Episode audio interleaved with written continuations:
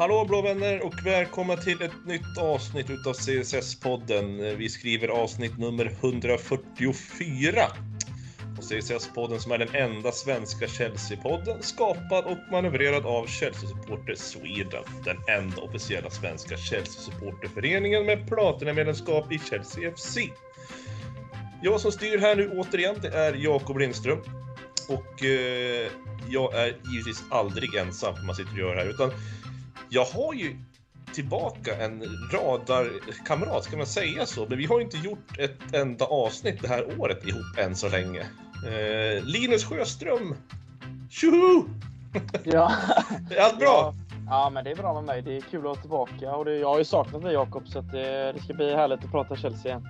Ah, jag är svag för smicker, men jag saknar dig också Linus.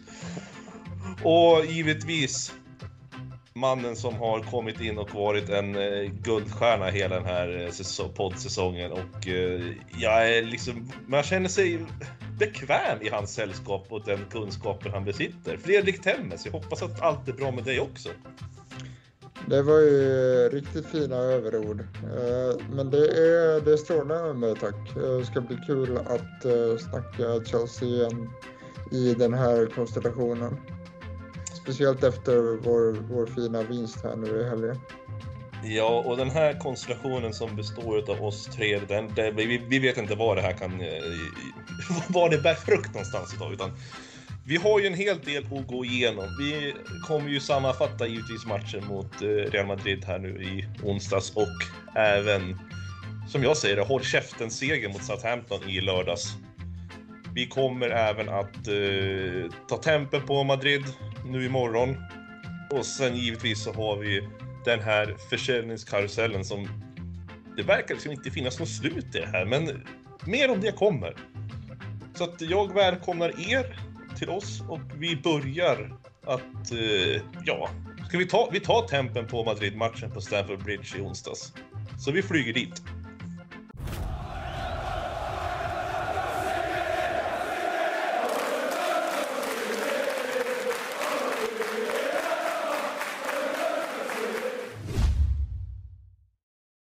Vi ska gå in på den här matchen som jag på förhand kände lite så här att, ja men vad fan, vi tog de här förra säsongen och men det, det, är något som inte stämde riktigt här. Och jag tänker Linus, den här första halvleken som vi är Ja, vad ska vi säga? Vad, vad är det som händer? Vad är, vad är det vi får ställa oss mot det här Madrid-laget? Det är ju nästan samma lag som vi mötte sist ju. Ja, Ja, men samtidigt tycker jag att de har gjort eh, en del ändringar i laget. Till exempel att Alaba har kommit in i backlinjen gör det grymt bra för laget och en stabilitet. Det har ju många år tillbaka i Bayern München där han har visat sin klass och fortsätter göra det Real. Och det jag tycker framförallt som jag tror laget blir lite chockade av är att den pressen Real sätter på oss, för den verkar inte vi kunna vara med på. För eh, Jorginho hade otroliga problem tycker jag eftersom tempot eh, saknas på den gubben emellanåt. Och eh, en sån här match blir så tydligt att den pressen Real satte, den blev för svår. Och eh, Christensen hade svårt med Vinicius. Han gjorde det otroligt bra på sin kant och Benzema, ja vad ska man säga. Just nu världens hetaste fotbollsspelare utan tvekan. Och, eh, det var en frustrerad match och kollar vi till första halvlek så tycker jag att vi vi spelar offensivt sett tycker jag vi spelar helt okej, okay, men i det defensiva så gör vi det svårt och vi tappar en del boll och Real kontrar eh, otroligt mycket mot oss och det, vi kan inte kontrollera det tycker inte jag och det känns, det känns jobbigt från start och eh, matchen blir inte enklare av att de gör mål på köpet så att det blir en otroligt tuff eh, returmatch på Bernabéu imorgon. Ja, och med tanke på vad Karim Benzema ställde sig mot för försvarsspel så undrar jag nu Fredrik, den här laguttagningen som var och startelvan, skulle du gjort några större förändringar så här i efterhand? Det gör visserligen alltid klart att lätt att vara efterklok, men jag tänker, hade du några andra eh, syner på ett lag som du hade, hade hellre velat sett? Jag tyckte det var väldigt märkligt att eh, Kovacic inte startade. Han är vår absolut bästa mittfältare just nu, satt i form. Sen eh, funderar jag lite kring eh, Aspilicueta till, eh, till vänster. Jag tänkte först att ja, men det här kanske blir bra. Att vi får en lite mer defensivt eh, viktad spelare där. eh, som kan stänga till på kanten, men han lyckades ju inte alls med den uppgiften. Som sagt, det är lätt att vara efterklok, men eh, möjligtvis så hade jag stoppat in eh, Kovacic. Eh, men eh, annars så hade jag nog eh, startat med det där laget ungefär. Ja, och vi ska ju inte egentligen... Det är klart backlinjen står för eh, mycket fel och brister den här matchen. Men när man har, möter en sån som Karim Benzema som är i den formen han är i och blir bara bättre och bättre. Det är svårt att eh, skylla på att försvaret skulle ha gjort det bättre mot honom. Jag tänker till exempel på ett av målet där, där han egentligen... Alltså han nickar ju in bollen som att det vore ju eh, alltså ett skott. Och helt, jag vet, det blir ju otagbart för Mendyra för han är väl inte heller med på att det ska bli just den där eh, effekten utav en nick. Eh, är det någon som har en synpunkt på deras första mål? Nej, alltså det var, det var ju en helt otrolig nick och även det andra nickmålet var ju fruktansvärt skickligt. Men jag tycker, att, jag tycker ändå att eh, man vet vilken kvalitet han besitter så man, man får bara inte tappa markeringen på honom på det sättet som vi gjorde. Nej, och jag tycker ändå att vi gjorde, om, om vi ska återgå till matchen som var förra säsongen, så gjorde vi ett bättre eh, markeringsjobb på Benzema eh, i båda mötena. För han gjorde ju han gjorde ju mål mot oss, gjorde men han var, inte, han var inte på samma sätt lika farlig som han var nu. Och det är ju klart, nu har de ju bytt system, de spelar andra spelare och så, men det känns som att han var, att det var lite för enkelt. Ja, alltså jag skulle säga att vi vann ju förra årets dubbelmöte i mångt och mycket tack vare att vi lyckades hålla någorlunda koll på honom. Och om vi nu förlorar det här dubbelmötet så är det i mångt och mycket på grund av att vi inte lyckades hålla koll på honom. Mm. Och 2-0 målet kom ju ganska så fort efter och det är också den här nicken som är väldigt kylig. Eh, inte så mycket att säga om den. Otagbart för Mendy. Ja, vi ska inte gå in och vara för efterkloka här. Men sen kommer ju i 40 det där med Kai Havertz. Och det tänds en liten, liten låga Linus, eller hur? När man, den där frenesin också som blir lite glädje och vi vet Havertz, han är het. Och eh, nu känner vi att det här är inte omöjligt att vi ska kunna göra ett eller två mål till. Nej, men den känslan hade man ju och det var ju perfekt innan eh, halvleken tog slut. Men eh, jag kände en känsla på start att det var ett annat påkopplat Real jämfört med andra, säs- eh, förra säsongen. Och det här såg mycket bättre ut och en spelare till exempel som vi måste egentligen belysa tycker jag, det är Vinicius på kanten. För han och Benzema har ett otroligt samarbete i år och så mycket eh, problem han skapar för speciellt Christensen. Det var, det var jobbigt att se tycker jag. För eh, Kristensen hade svårt för den tekniken han besitter. Det är ju få spelare som har den i världen och han och Benzema funger, fungerar ju fantastiskt ihop. Så att ja, det var en svår match och vi fick lite liv i den. Men eh, ja, det, givetvis så tändes det en gnista. Men ja, det var, det var svårt från start tycker jag. Jag vet inte vad ni tycker. Nej, men jag tycker att, alltså, att vi spelade ganska bra till en början eh, men kanske lite för offensivt. Vi vann ju titeln förra året tack vare ganska försiktiga matchplaner som var inriktade på kontringar och ett tätt försvarsspel. Nu funderar jag på om vi blev lite övermodiga trots allt. Men eh, sen kommer ju de där snabba nickmålen och det, det präglar ju hela matchen sen. Eh, från, eh, från, det, från det att andra målet går in så, så Eh, får ju Real matchen precis dit de vill. Och eh, efter det så är det ju klasskillnad tycker jag. Ja, vi stryker då första halvlek, men vi ligger alltså under med 2-1. Vi kliver in i andra halvlek och den hinner ju knappt starta innan det... Ja, vad är det som händer egentligen?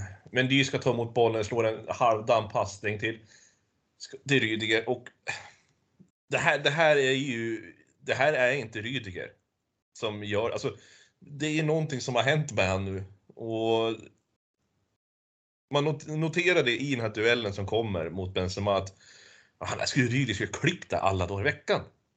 Han går fram och försöker fösa lite med foten. Linus, den här situationen var ju jättemärklig.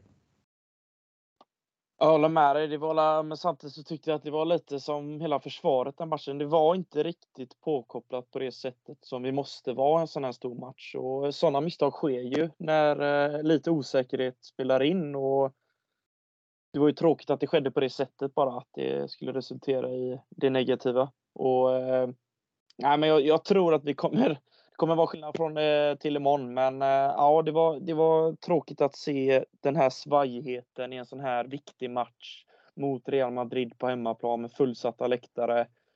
Ja, nej, det var, det var jobbigt och så sätt att vi gör ett flertal misstag som straffar oss. Ja, det här var ju absolut ingen eh, jätterolig match på många plan, utan en 3-1-torsk och vi ska hoppa in på ett litet segment. Det kan vara lite känsligt nu det här ämnet för att eh, jag kommer vara väldigt kritisk till eh, två spelare.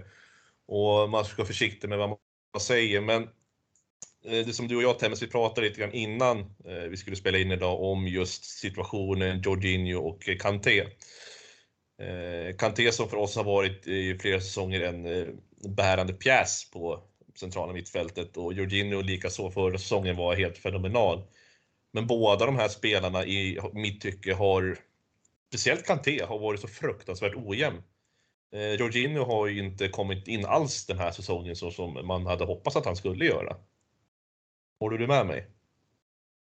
Ja, absolut. Eh, det är ju två helt eh, andra spelare än de som kanske var de två enskilt största anledningar till att vi tog eh, den här titeln förra säsongen. Men de, de har ju spelat eh, otroligt mycket om man, om man tittar på eh, Jorginho då som spelade i princip varenda match förra säsongen känns det som och sen, sen gick, gick långt eh, i EM med, med, Italien som vi, som vi vet. Eh, och jag håller med om det du säger att han har ju inte alls eh, levererat på samma vis och samma gäller ju Kanté. Eh, vi vet ju nu sedan ett par år tillbaka att han är väldigt skadebenägen och börjar vilas. Hittills så tycker jag att, att Tuchel har hittat en bra avvägning men på sistone så har, har ju Kanté spelat nästan varenda match igen och fundera på om det är det som påverkar honom. För så fruktansvärt dåliga som båda de här två giganterna var mot Real, det var ju hårresande. Ja, och jag tror inte att man blir utbytt i halvtid som eh, Kanté blev om man liksom gör, inte gör en eh, bättre match. Eh, och likadant Kristensen, men han har vi varit inne på förut. Det här är mer spelare som sticker ut tycker jag. Och Jorginho, han har ju den här säsongen stått för flera fatala misstag.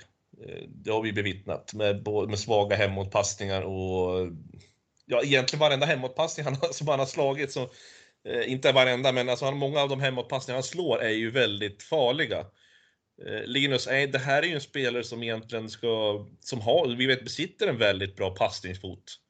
Men vi har inte fått se utav den så mycket den här säsongen. Nej, verkligen inte. Jag håller med. Och eh, ett ord som jag har ringat in i mina papper, det är ju tempot. Eh, Jorginho när han kom, även då när Sarri tog ett 4-3-3, även där gjorde han ju mycket fatala misstag, både slarvpass och eh, nej, han kom inte till rätta och egentligen tycker jag, ni får säga vad ni tycker, men jag tycker att han haft en halv säsong som har varit över förväntan.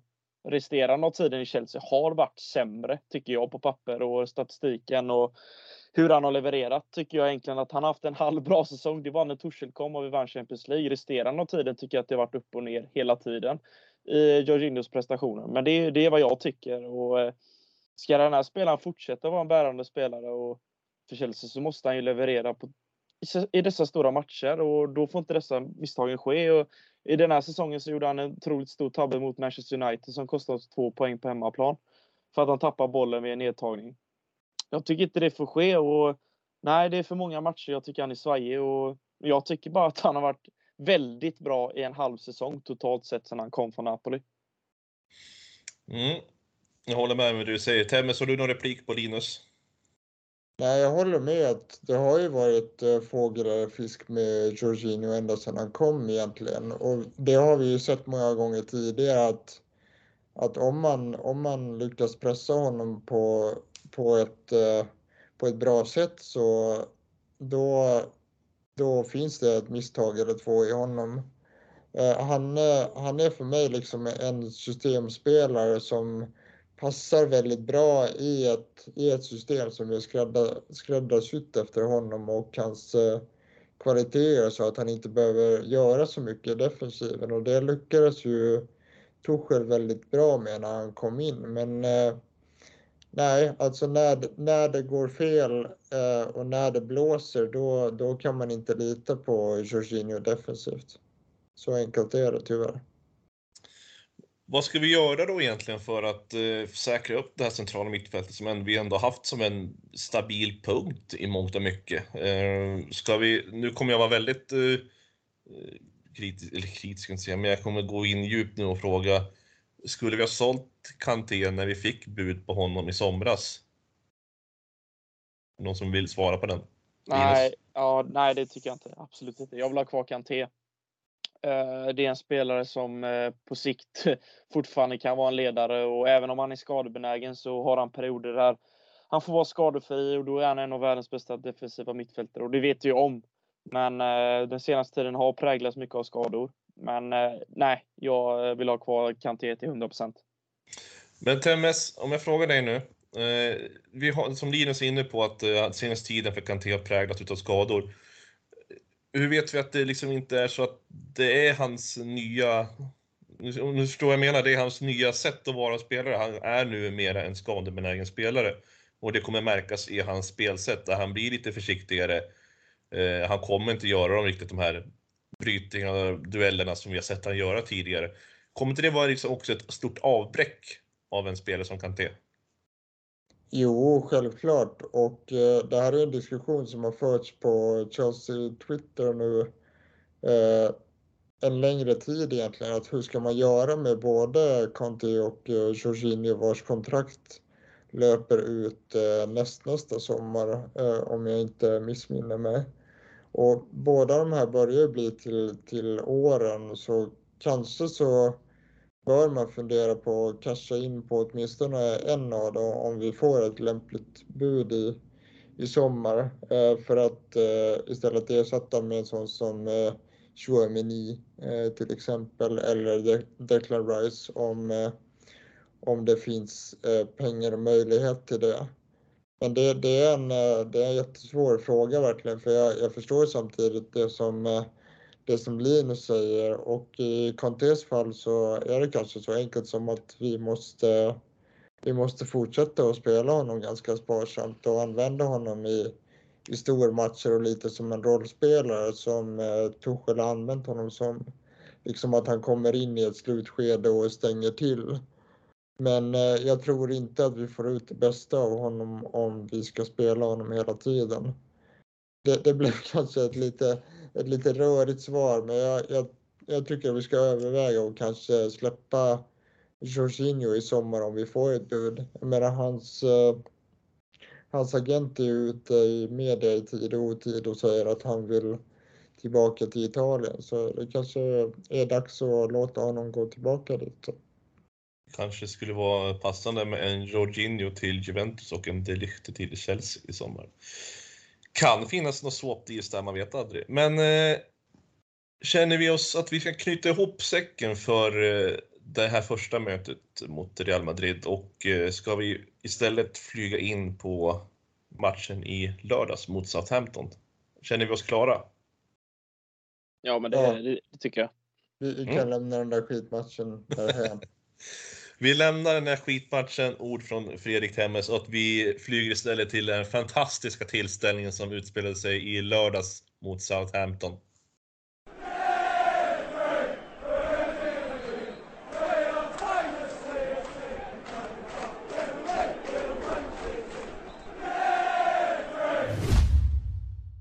Nu, mina damer och herrar och allt däremellan, så den här matchen ja, vad ska man säga?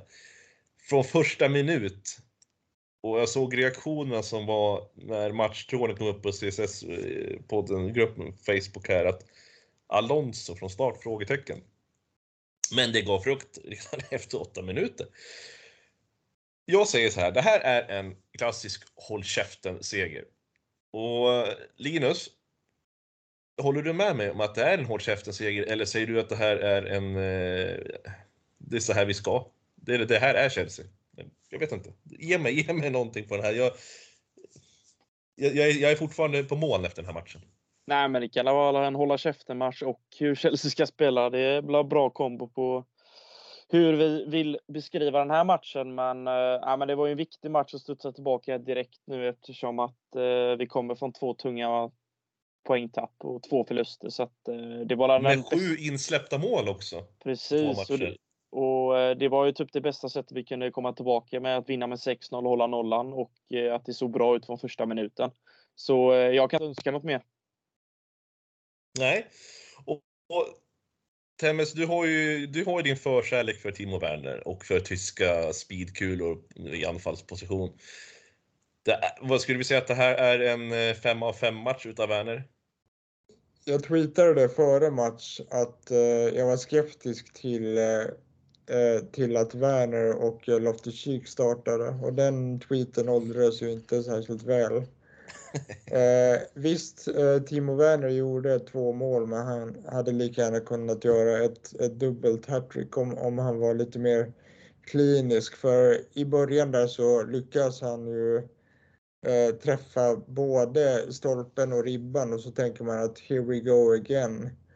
Eh, men eh, nej, han, eh, han petar in sina mål och eh, eh, så mycket kan man ju säga att det här var ju Leipzig-Werner, alltså spelaren som, som jag trodde att vi värvade.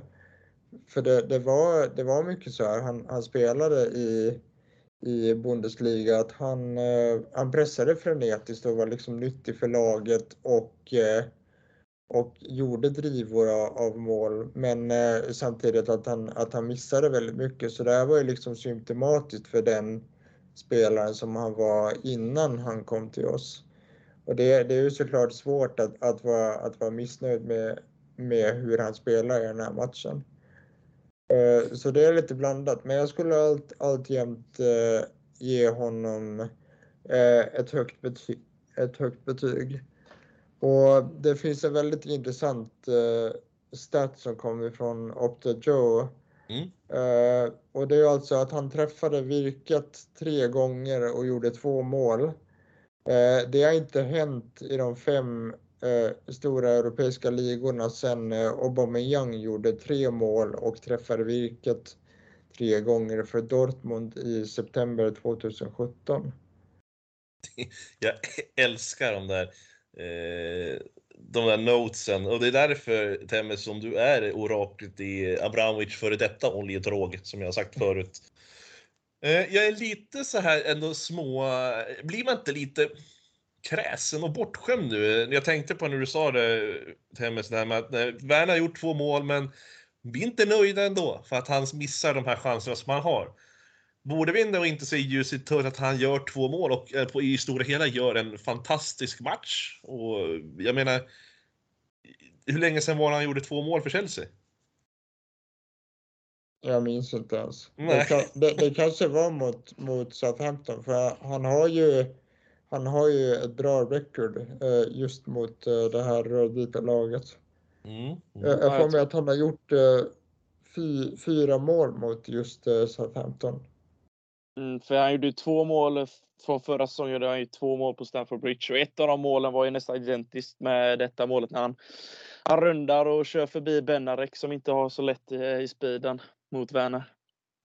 Nej, alltså Southampton är ju ett eh, väldigt tacksamt lag för, eh, för Werner att spela mot därför att de, de eh, ställer ju liksom backlinjen vid, vid mittlinjen och det, det gör ju att han får de här ytorna som han verkligen behöver för att, för att få ut max av sitt spel.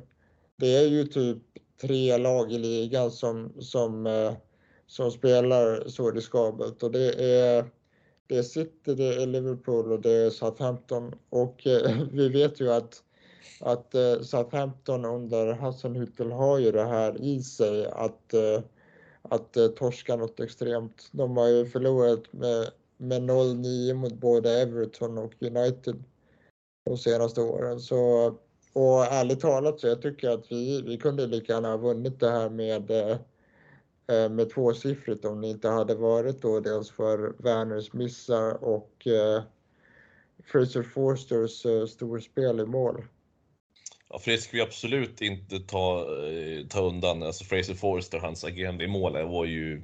Han var... Fem plus insats skulle jag säga. Och, men nu ska vi inte prisa Southampton för mycket, utan vi måste ju nu beakta också att Mason Mount gör två mål.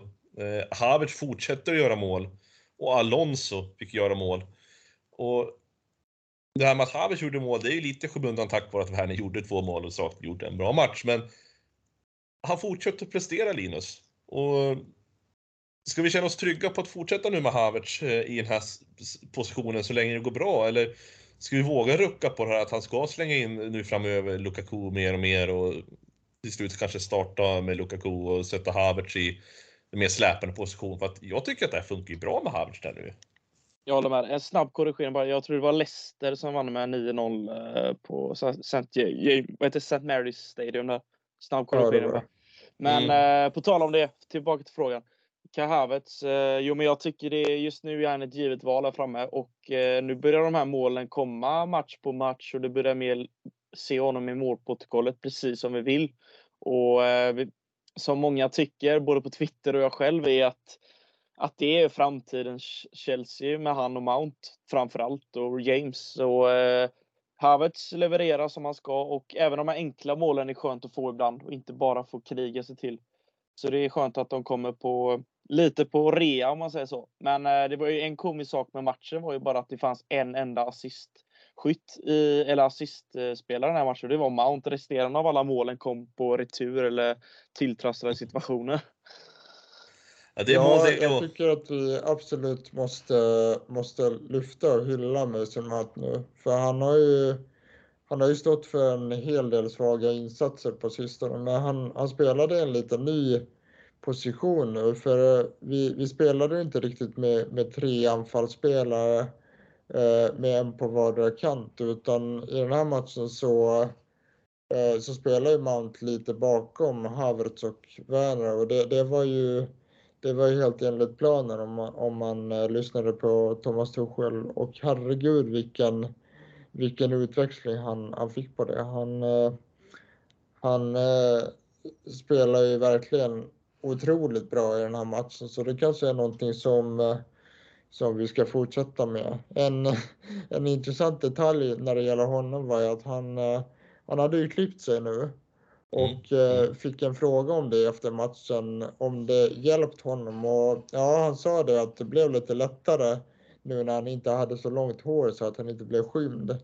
Ja, om, man, om man har tittat på honom i tidigare matcher så har han liksom, han har eh, rättat till gått, sitt hår. Eh, ja, precis, gått och dragit i luggen, liksom lagt det mm. bakåt och sidan. Precis, och... så, så det kanske var kanske var ett vinnande koncept här att klippa sig då, så vi, vi kanske får se en helt annan spelare här i, i, i slutet av säsongen. Nej men eh, skämt åsido, han, eh, han förtjänar all cred för den här insatsen och även om, även om hans spelmässiga insatser har varit lite sådär så är han ändå uppe i eh, totalt 18 goal contributions i ligan nu.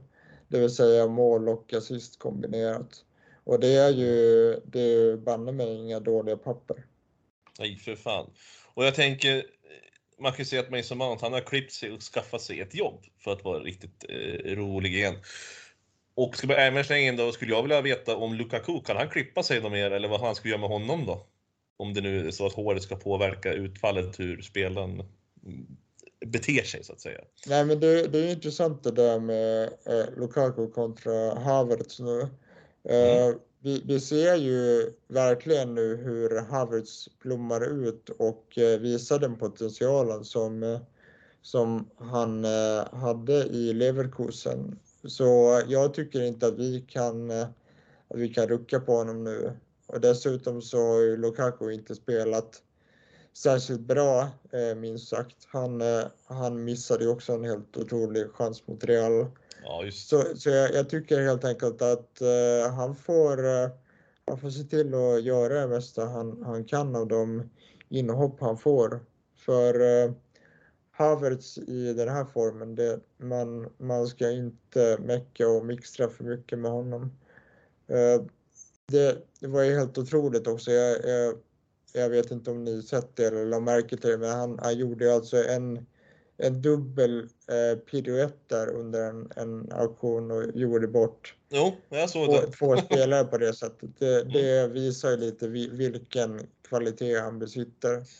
Och låter vi honom, låter vi bara honom fortsätta spela så här nu så kommer vi se en eh, raketutveckling. Det är jag, det är jag helt säker på. Ja, men mot ett annat så, så, annat så bollsäkert Southampton kan man väl säga lite grann Linus. Jag tänker med Ward Prowse där, han är ju, har ju tidigare varit ett, eh, han brukar ju kunna vara ett hot. Om inte annat på fasta situationer, men nu, det blir ingenting sånt där gick ju i vägen för dem. Och jag menar, Mohamed Elionossi, alltså kusinen till den före detta AIK-spelaren Tarek Elionossi för övrigt. Han var ju inte heller något sitt, sitt esse och inte som Armstrong eh, eh, kompaniet på topp och på sida där. Det var ju inte riktigt deras fight det här skulle jag vilja säga. Nej, jag håller med dig. Och eh, lite jämfört med om vi jämför med Real-matchen så tycker jag att Kanté och Kovacic står för lite mer tempo om vi jämför med Aurelio Romeo, våran gamla gubbe, och eh, Armstrong där de inte alls hänger med och knappt vinner bollar på sin ena planhalva. För att vi har den offensiva trycket både från Kanté och Kovacic som jag tycker är väldigt bra och även Ruben Loftus-Cheek den här matchen. Och eh, Ward Prowse, jag skrev inför rapporten att det är ett stort utropstecken. Det kommer framförallt till fasta, men hans högerfot är ju magisk. För vi har ju Mm. sett alla frisparkar han har skjutit in, men vi lyckades stänga till och han var ju olyck, olyckligtvis, men tur för oss, inblandad i ett av målen när han nickade den bollen och Werner får tag i den. Så nej, de förlorade matchen på alla delar i, eh, på planen och mittfältet hade de inte en chans tycker jag under hela matchen. Nej, och det visar sig den med 36 minuten och ligger under med 4-0 och eh, som sagt vår föredetting Oriol Romeo blir utbytt eh, till, för, till eh, förmån av eh, Jan Valery. Eh, och det var ett bevis på att eh, Hasselnytter egentligen jag, det såg mest ut som att eh, jag måste visa att eh, jag är beredd att göra någonting för att där och då kändes det som att matchen var ju redan klar. Eh, lite, vilket är lite tråkigt på mångt och mycket givetvis, men det bytet gjorde inte någon större skillnad kan jag tycka. Nej, jag håller med dig. Och jag tyckte att, eh, som du också var inne på, att matchen var nästan över där för att så bra Chelsea spelade var över förväntan. För eh, så vi styrde den här matchen på bortaplan. Det var nog även Southampton lite chockade över att, vi, att det var så högt tempo och att eh, det ständigt skapades lägen. För det gjorde det under nästan hela matchen. Det var inte många lägen som eh, Southampton fick andas ut. Och Fraser gör ju en kanoninsats och står för några fantastiska räddningar. Har vi lite statistik från den här matchen? Är det någon som sitter på några fina siffror? Ja, på skott Eh, på mål så hade Chelsea 14 och Southampton 1. Och, eh, så att Chelsea vann ju skottstatistiken och det präglade även hur matchen såg ut för att bollinnehavet var 71-29 till Chelsea också. Och, eh, de hade inte mycket att sätta emot den här matchen som 15 och det, det kände nog Hasselhüttel tidigt och därför eh, valde han att göra det bytet tidigt för att eh, de vann inte bollarna på mittfältet där jag tyckte att det var en, det var där det avgjordes mycket. Och det var flera lägen där eh, Romeo och Armstrong inte kunde få tag i både Kovacic och Kanté och det, det var en avgörande del tycker jag i den här matchen. Mm, mm. Och jag ska knyta ihop den där säcken lite grann också för att jag tycker att vi har fått med det mesta från Southampton-matchen. Och vi ska givetvis ge en eloge till Graham Potter och eh, hans Brighton som lyckades besegra Arsenal. Så att vi eh, vann en seger och befinner oss nu lite i eh, Eh, ingenmansland kan man egentligen påstå på en tredje plats där med eh, en match mindre spelad än de runt omkring oss. Alltså jag tror de City, Liverpool och Tottenham. Som båda har, alla de har en match mer spelare än vad vi har.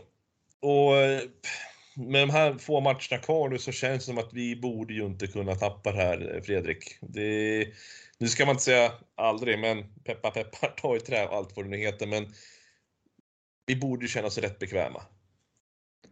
Ja, det här, det här ska vi väl inte, inte kunna, kunna tappa tycker jag, även om eh, Spurs ångar på som tåget nu, tyvärr. Men eh, de, de, de eller Arsenal får, får nöja sig med fjärdeplatsen. Vi, vi ska ha den här tredjeplatsen nu och eh, gärna om vi kan få till eh, ett eh, så litet avstånd till eh, toppduon som möjligt så, så får vi vara nöjda med det i år. Ja, och vi ska ju möta, så vi har ju om man tittar mot de andra så har vi ett ganska så tacksamt schema kvar nu. Alltså vi möter ju Arsenal eh, och United borta. Arsenal är hemma då givetvis. Det är egentligen de matcherna som sticker ut mest som tuffast på pappret. Och ja, det känns som att vi skulle kunna befästa den här positionen. Och vi har ju legat här och hankat ett bra tag nu på den här tredje positionen. Så att skulle vi tappa den här nu då hade ju... Äh, jag vill inte ens tänka tanken. Hur som helst. Vi ska ta oss... Vi ska bocka av den här matchen mot Southampton. Vi har alltså vinst 6-0 och vi är kvar på vår tredje position. Nu ska vi göra så här att eh, jag ska lämna över det här host-ansvaret som jag har äran att ha idag till eh, Fredrik Temmes. För att det är som så att det pågår ju en eh, försäljningskarusell som är utan dess like. Och eh, i mångt och mycket som händer runt omkring om allt ja, och alla så har jag inte riktigt pejl på vad som händer i det här lägret. Så att vi kommer switcha lite positioner nu. Alltså att nu kommer Temmes få köra hostingen om vi säger så. Eh, och så kommer jag och Linus få sitta som eh, gäster. Visst låter det bra Fredrik? Ja, absolut. Så att eh, jag skickar över micken till dig så kan jag luta mig tillbaka lite grann kanske då.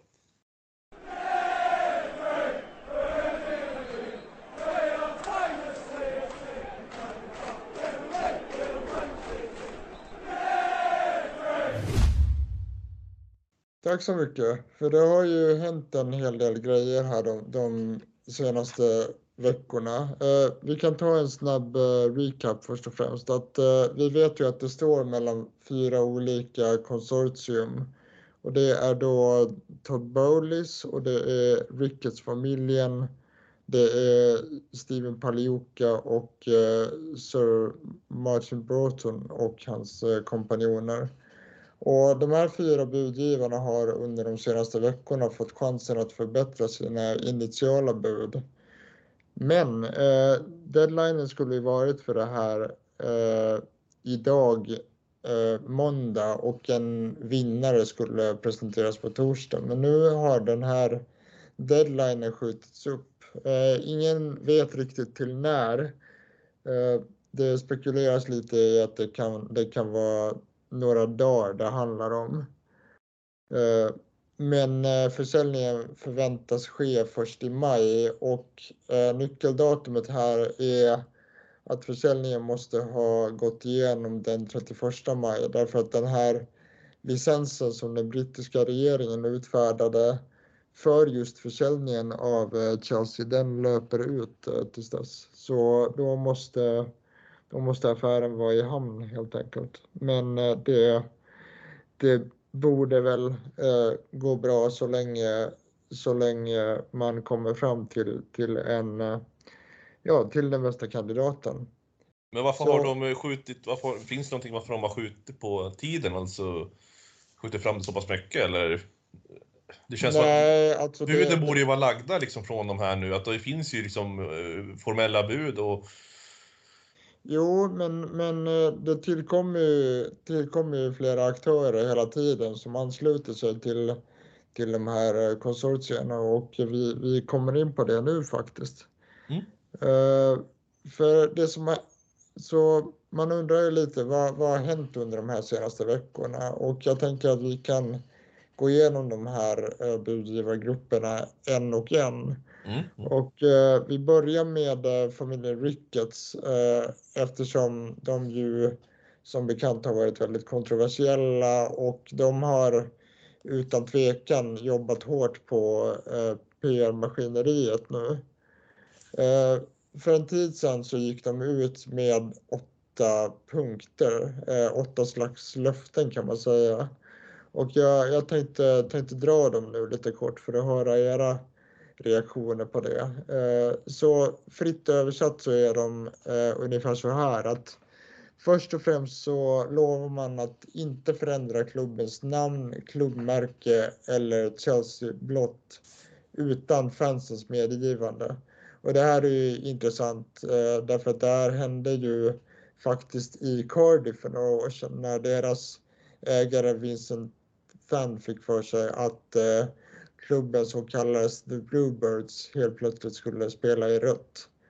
Eh, men det är i alla fall deras första löfte. Eh, det andra löftet är att, de, att eh, Chelsea aldrig kommer att delta i en europeisk superliga och ägarna ska alltid värna klubbens integritet och arv. Det tredje löftet är att man ska avsätta de nödvändiga resurserna på alla plan för att fortsätta vinna titlar och det innebär däribland att investera i A-laget, eh, få en erfaren fotbollsrelaterad ledning på plats och även fortsätta satsa på akademin.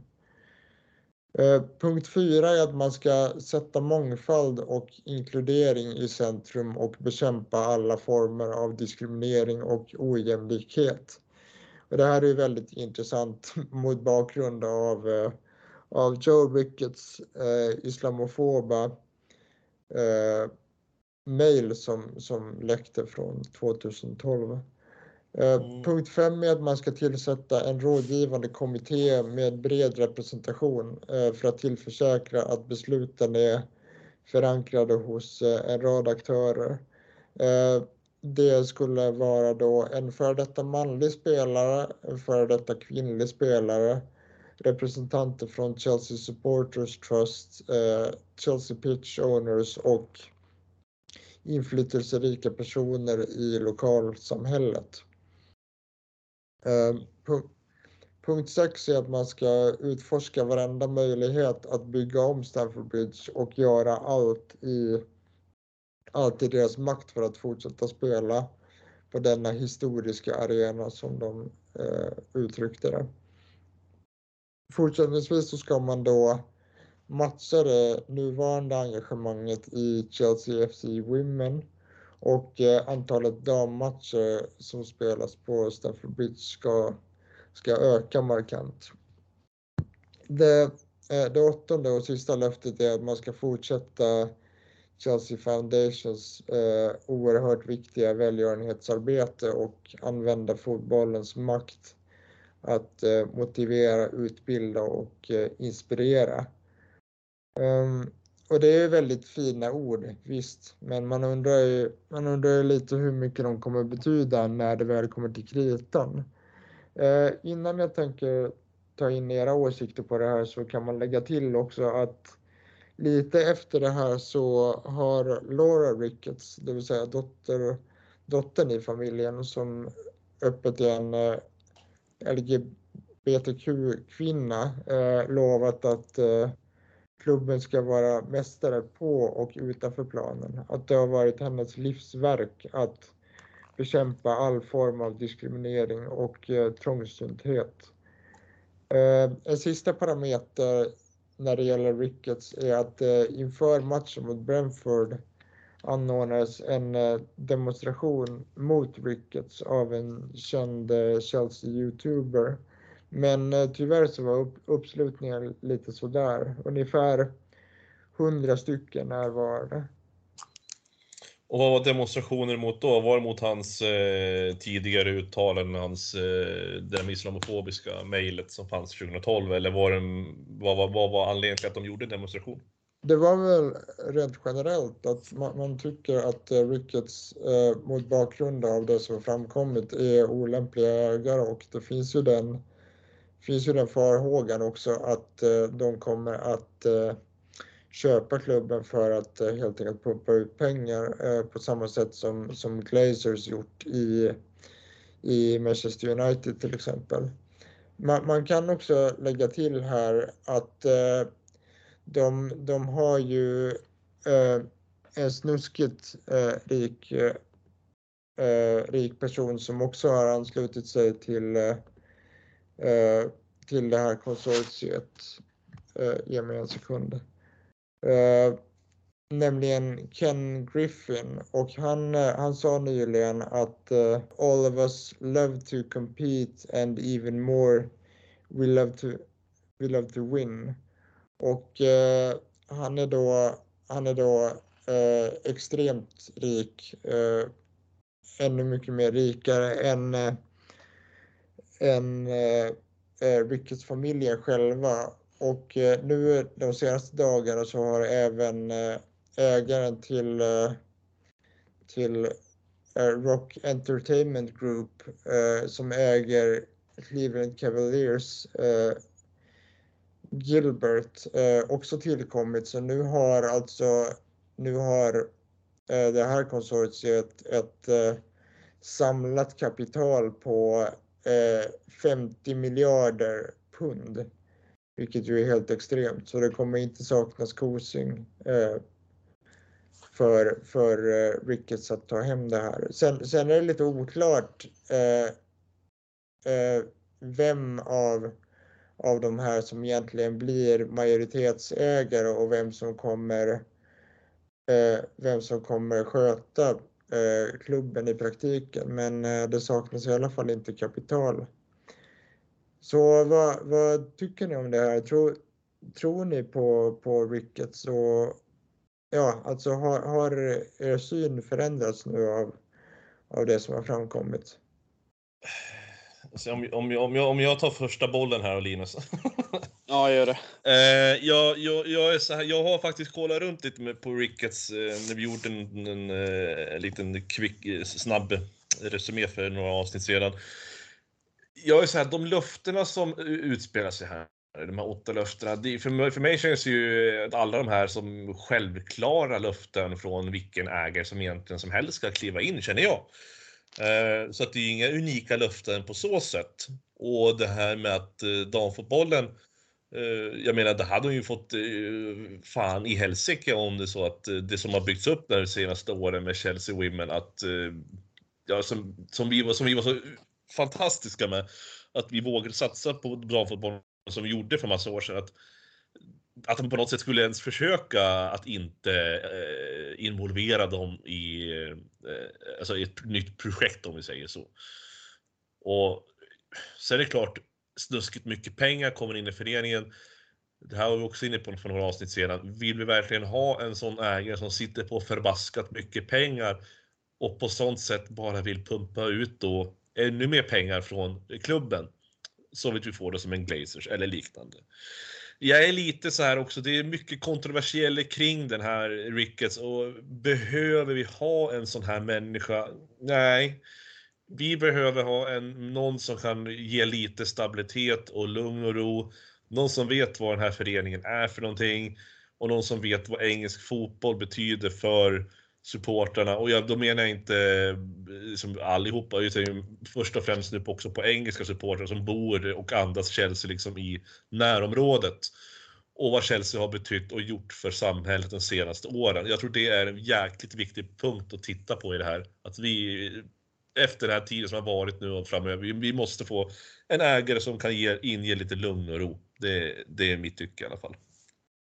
Ja, och jag kan bara eh, hålla med Jakob. Jag tycker det var en otroligt bra analys på vad Ricketts är och vad klart de vill förändra. Men som du sa Jakob, dessa saker känns som självklarheter från vilken ägare som helst som har tagit över Chelsea idag. I mina ögon. Jag menar, damfotbollen bara växer och växer och vi blir starkare där också. Och klart alla ska behandlas lika och att vi ska utveckla både damfotbollen men även den egna organisationen, hur man ser på saker och ting. Men eh, sen som sagt, vill vi ha en sån ägare som har haft varit ute och svängt i media och saker och ting har läckt. Jag vet inte om vi behöver det just nu, för just nu behövs lugn och ro runt klubben och en ägare som givetvis ska fokusera på dessa grejer som de här åtta punkterna innehar också. Men jag vet inte om Ricky säger rätt alltså. Det, nej, min, mag, min magkänsla säger något annat. Men eh, ja, man vet ju inte. Men äh, det, jag är inne på samma spår som Jakob.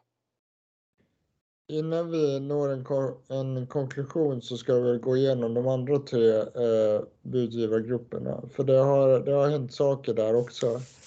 Eh, Todd Bowley då, eh, som eh, äger LA Dodgers, har ju sedan tidigare haft eh, den här schweizaren Hans-Jörg Wyss och eh,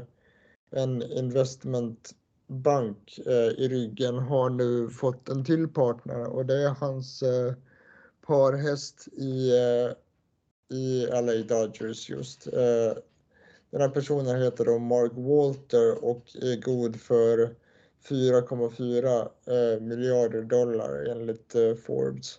Så han kommer då att eh, ansluta till, till den här gruppen.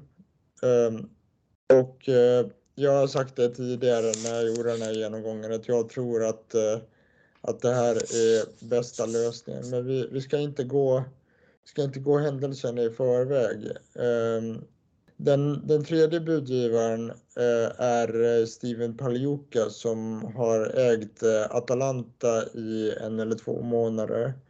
Och nu alldeles nyligen så har det ryktats om att han kommer backas av eh, NBAs ordförande och eh, eventuellt eh, en, eh, en medgrundare till Facebook. Så där kan man ju också tänka sig att eh, det finns en hel del kapital. Men eh, mycket mer om, om Steven Paliukas eh, budgivarkonsortium, det, det vet vi faktiskt inte därför att de har varit, de har varit väldigt tysta Eh, till skillnad från de här två andra. Eh, sist och slutligen så har vi då det här eh, brittiska konsortiet som leds av Sir Martin Broughton och där har det varit helt tyst under de här veckorna och den budgivargruppen har ju det problemet att Broughtons kompanjoner har ju andelar i Crystal Palace. Eh, så de måste ju avyttra dem eh, snarast för att de ens ska, ska kunna eh, ska kunna vara med i, i racet då eftersom man såklart inte får ha innehav i två olika Premier League-klubbar. Dessutom så har inte de, har inte de eh, särskilt starkt kapital, eh, framförallt, framförallt inte om man jämför med de här andra, andra jättarna nu då. Så det är ungefär vad som har hänt och det är där vi står.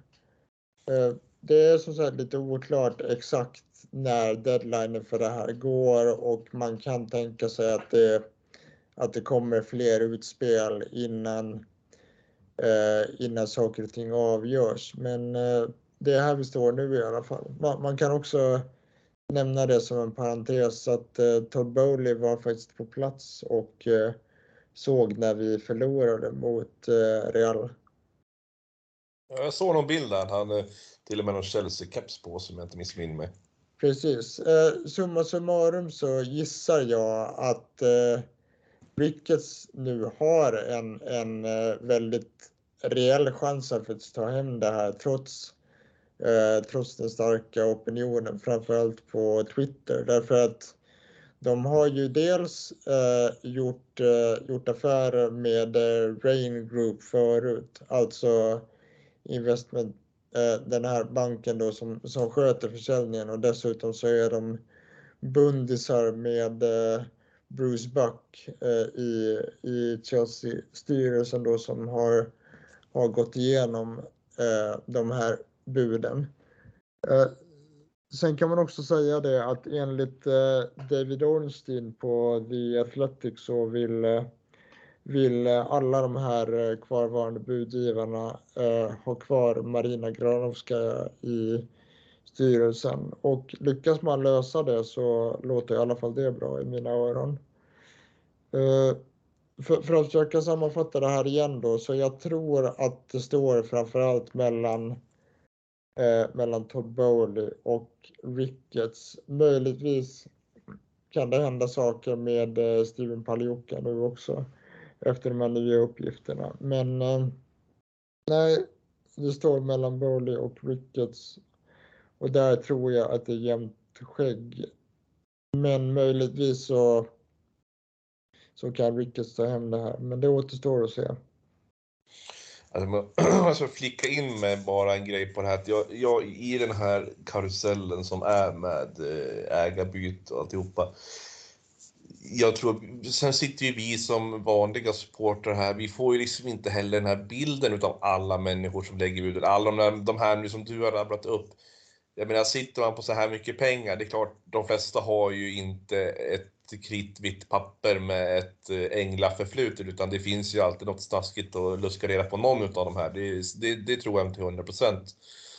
Ehm, men det som förvånar mig lite grann, det är ju det här de pratade om tidigare, att eh, inte skulle sälja till högstbjudande. Eh, men i mitt fall verkar det som att det blir så ändå, att man väljer att sälja till högstbjudande och inte till den som har bäst intressen. Som Rickes nu till exempel, att det fanns ett Eh, konsortium med att eh, någon som hade ett gigantiskt eh, kapital.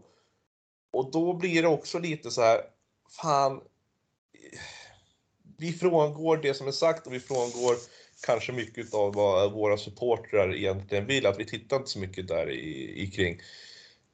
Det, det, det, är lite den känslan jag får utav när man hör alla de här olika ägarna, att det, det känns som att det är ingen som liksom jag vet inte hur jag ska förklara men hade vi sett vid ett bord nu så hade det varit lättare att förklara mig så som mina händer rör sig just nu. Men eh, ja, jag, jag, det, det, det, det, är lite så jag känner bara i alla fall. Och givetvis det här med Marina, att vi ska ha kvar henne. Jag menar, hade inte hon varit kvar då, det hade ju verkligen blivit kaos kan jag ju säga. Eh, men ja, i alla fall, det var lite så jag kände om det där.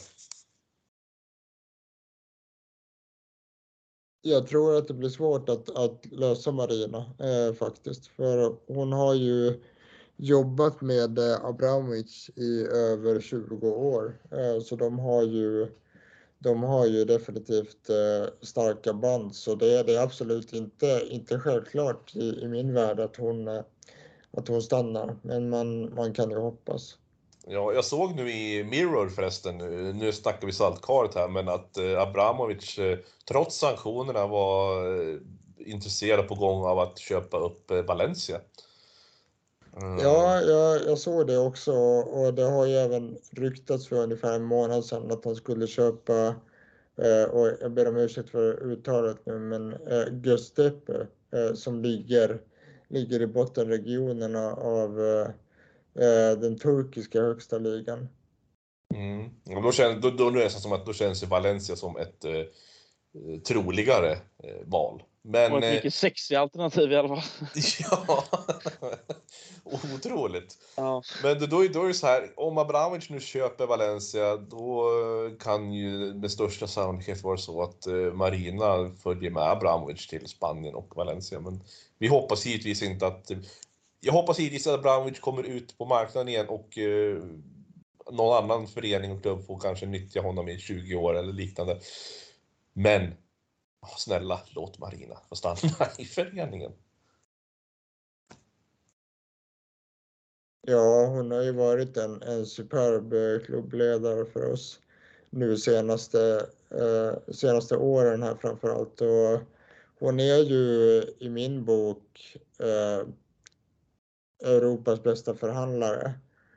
Eh, och hon fick ju även, även pris eh, härommånaden för, för sitt värv i, i Chelsea. Eh, så om man, om man då skulle behålla henne i den rollen där hon sköter det ekonomiska och de finansiella bitarna kring, kring spelarköp och sånt och sen, sen då tillsätter en director of football som kan staka ut den långsiktiga eh, vägen framåt, då, då tror jag att vi kan, vi kan få något, något riktigt bra där. Men hur, eh, hur ledningsstrukturen ska se ut, det, det kan vi egentligen dra, dra ett helt eh, specialavsnitt om, därför att där har jag väldigt mycket, mycket tankar och åsikter eh, om hur vi bör, bör styra klubben framåt. Men det, det, tar, vi, det tar vi en annan gång. Det får vi göra sagt i ett specialavsnitt utav.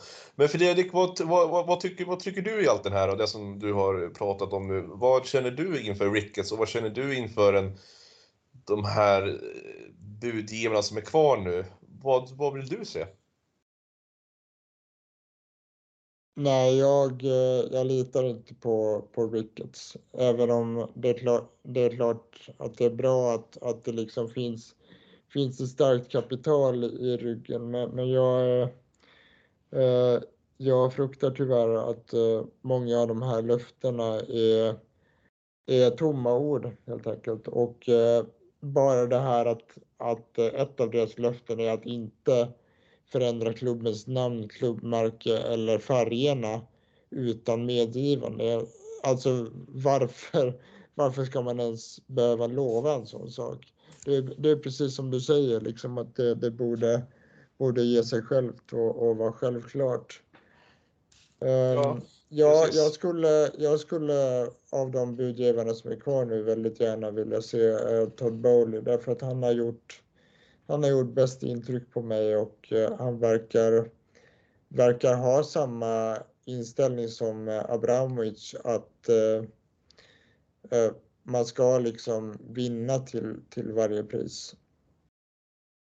Så jag, jag skulle definitivt vilja se Todd Bowley. Men tyvärr så, så kan Ricketts ha en chans. Och deras kopplingar till både Bruce Buck och Rain Group kan vara sådana faktorer som avgör.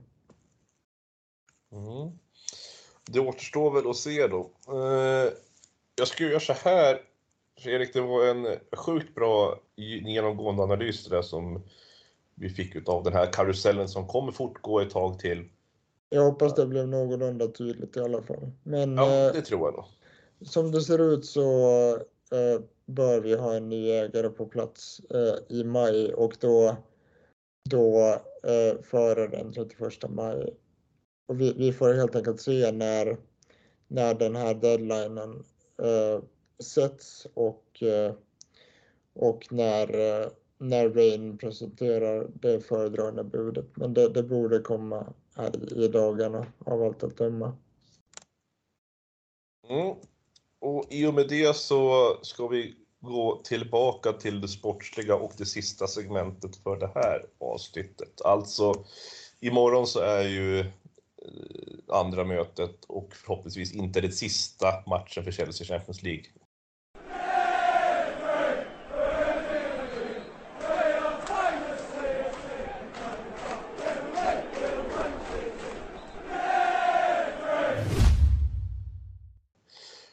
Vi möter Real Madrid borta. Santiago Bernabéu är en eh, kittel i sådana här sammanhang. När Real Madrid tidigare har besegrat ett lag på bortaplan och eh, har sina supportrar med sig i ryggen. Det kan koka, det vet vi. Linus, vad, har, vad är förutsättningarna inför morgondagens drabbning? Det gäller ju att ta tag i matchen direkt egentligen och vara med i både försvaret och i anfallet. Och fortsätter vi på samma bana mot, som mot Southampton så tror jag att vi kan få in ett mål tidigt och skapa spänning i matchen. För då tror jag även att Real Madrid kan bli lite darriga och det gäller att sätta lägena. För sådana lägen som Lukaku fick på Stamford Bridge och inte nicka in den, det, det, vi får inte missa det för då kommer vi åka ur. Men eh, möjligheten finns om vi tar tag i matchen och finner ett mål ganska tidigt för då kan det bli spänning i detta tror jag.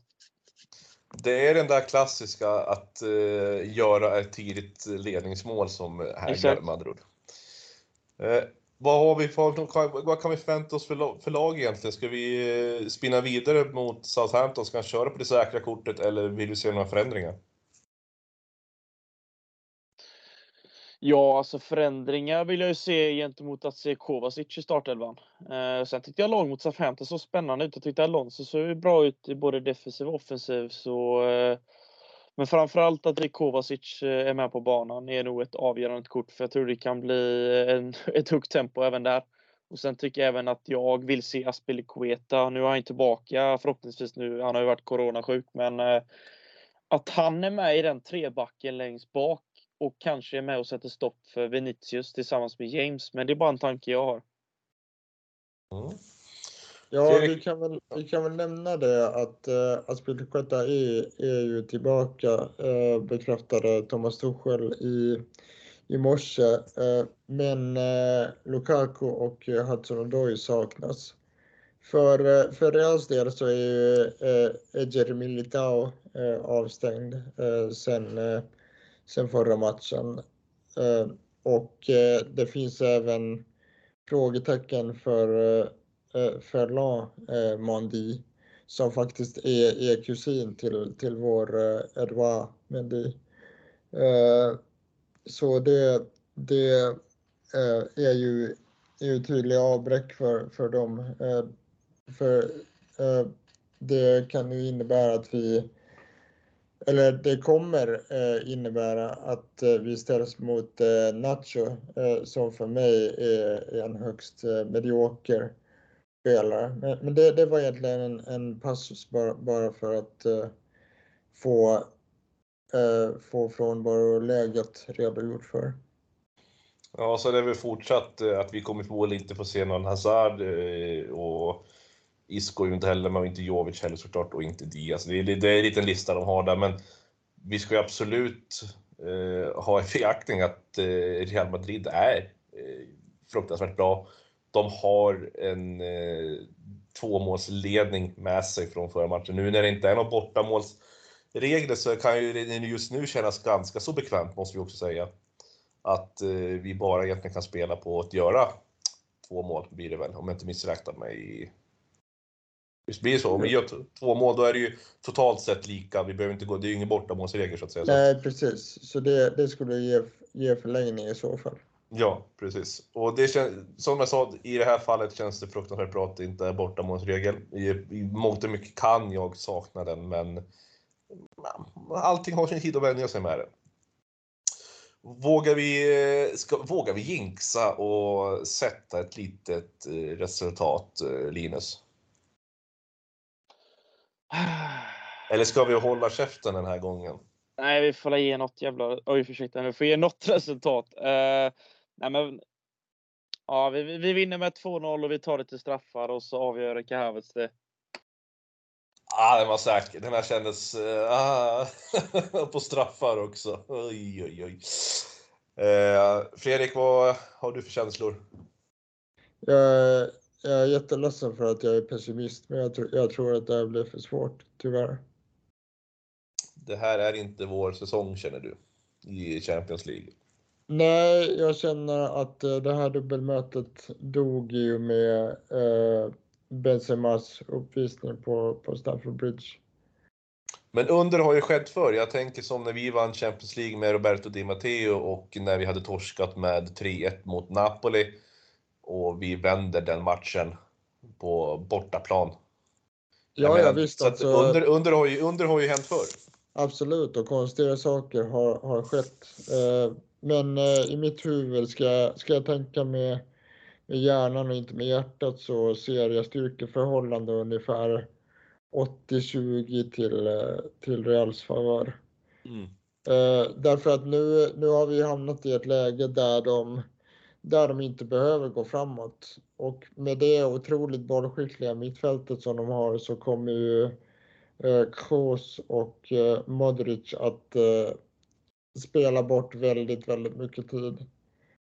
Det, det krävs egentligen att vi gör en helgjuten insats.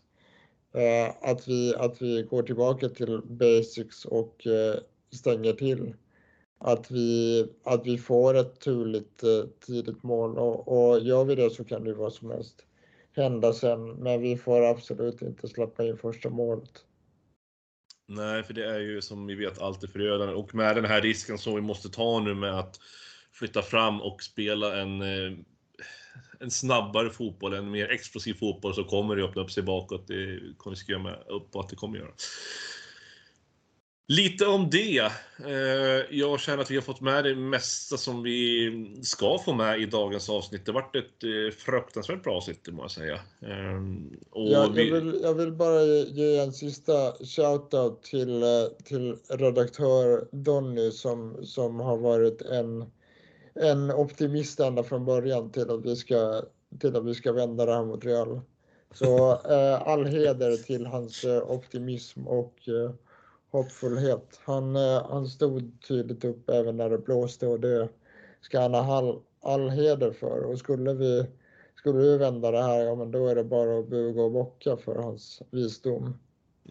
Ja, och det men så, ofta så är det ju Donny som står upp när alla andra blåser omkull, kan man säga. Eh, vad tycker ni mina herrar? Har vi fått med det vi vill få med? Ja, men jag tycker vi har ringat in det bra idag. Det har varit mycket att prata om, både match mot SA15 och returmöte mot Real. Och...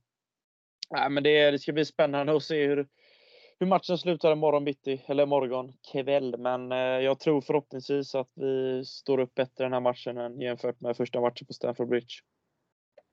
Mm. Och Temmes, känner du dig nöjd att vi har fått med det som ska ha varit med? Ja, absolut. Jag tror inte att vi har eh, missat något eh, alltför stort i det här. Nej.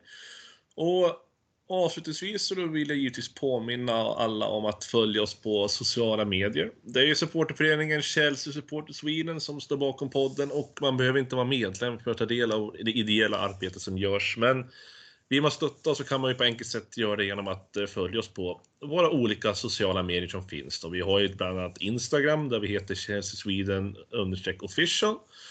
Och på Twitter heter vi at Chelsea Swede, alltså Chelsea SWE. Så eh, om ni inte redan följer oss där så gå in och gör det nu. Eh, jag själv har inga offentliga sociala medier som de här två herrarna vi sitter och pratar med nu. Utan jag har min lilla privata Instagram och min Facebook och så där, så att jag är inte så jätteattraktiv att följa. Men skulle man vilja följa till exempel eh, Linus så heter han, och det här har jag felat på så många gånger. Se om jag nailar det här nu. jag har inte ens skrivit upp det här. Men Spä, Spänningen stiger. Ät Schustrom Linus 99. Ja, Linus Schustrom 99. Nej! Men det är kul. Den sitter aldrig. Men eh, i alla fall, då, ja, Linus Schuström 99. Ja. Eh, och så har jag givetvis eh, Fredrik och han heter ju, det här kan jag, det här, för det här är väldigt enkelt. Det är att Fredrik Temmes. Så enkelt. Det stämmer bra. Men man, det, som, man... det, det, det, som alla sitter och undrar är när, är när du ska skaffa Twitter, Jakob. ja, eh, jag, eh, om vi säger så här. Eh, vinner vi över Real Madrid imorgon, då kommer jag att signa upp mig på Twitter på onsdag. Det är ett löfte. Är det okej? Okay? Det, låter, det låter bra. ja, där, där, har vi en deal. Ja. Och men följ de här herrarna jättegärna och följ oss på våra sociala medier som jag nyss nämnde. Jag rekommenderar även ett besök på hemsidan på Svenska fans. Det är ju www.svenskafans.com England Chelsea där man kan läsa artiklar och matchrapporter och krönikor. Info supporterklubben och arbetet som görs runt omkring där både Fredrik Temmes och Linus är aktiva skribenter. Och lyssnar du på podden nu då och inte har blivit medlem i CSS-podden-gruppen på Facebook så kan vi givetvis rekommendera den för där kan man ju diskutera podden och innehållet samtidigt som man kan dela och läsa olika trådar och diskutera i våra matchtrådar som läggs upp då inför varje match. Eh, Där är Donny väldigt flitig med att se till att det sköts på korrekt och fint sätt. Vi är tillbaka i något form och för CSS-podden inom kort. Med det så sätter jag punkt för det här och jag tackar dig Linus att eh, vi, du var med igen och att vi äntligen fick spela in ett avsnitt igen. Och jag tyckte det var svinkul. Jag hoppas att du också har tyckt att det var roligt.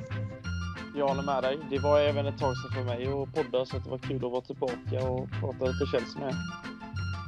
Suveränt. Och Fredrik, ännu en gång, tack för att du har varit med. Och eh, som jag nämnde innan, att eh, ha dig med i avsnitten här är alltid betryggande. Den, eh, det här oljetråget som du Eh, jag vet inte. Du kommer du sitta kvar i ett oljetråg när Abramovic försvinner? Vad, vad ska vi ha då för någonting? Och om Ricketts kommer till exempel, vad fan har han för någonting som synonymerar med? det blir ju inte olja på samma sätt, förstår du vad jag menar? Nej, precis. Vi, vi får fundera ut någonting där. Eh, jag kanske får lägga mig i en gigantisk Big Mac eller någonting.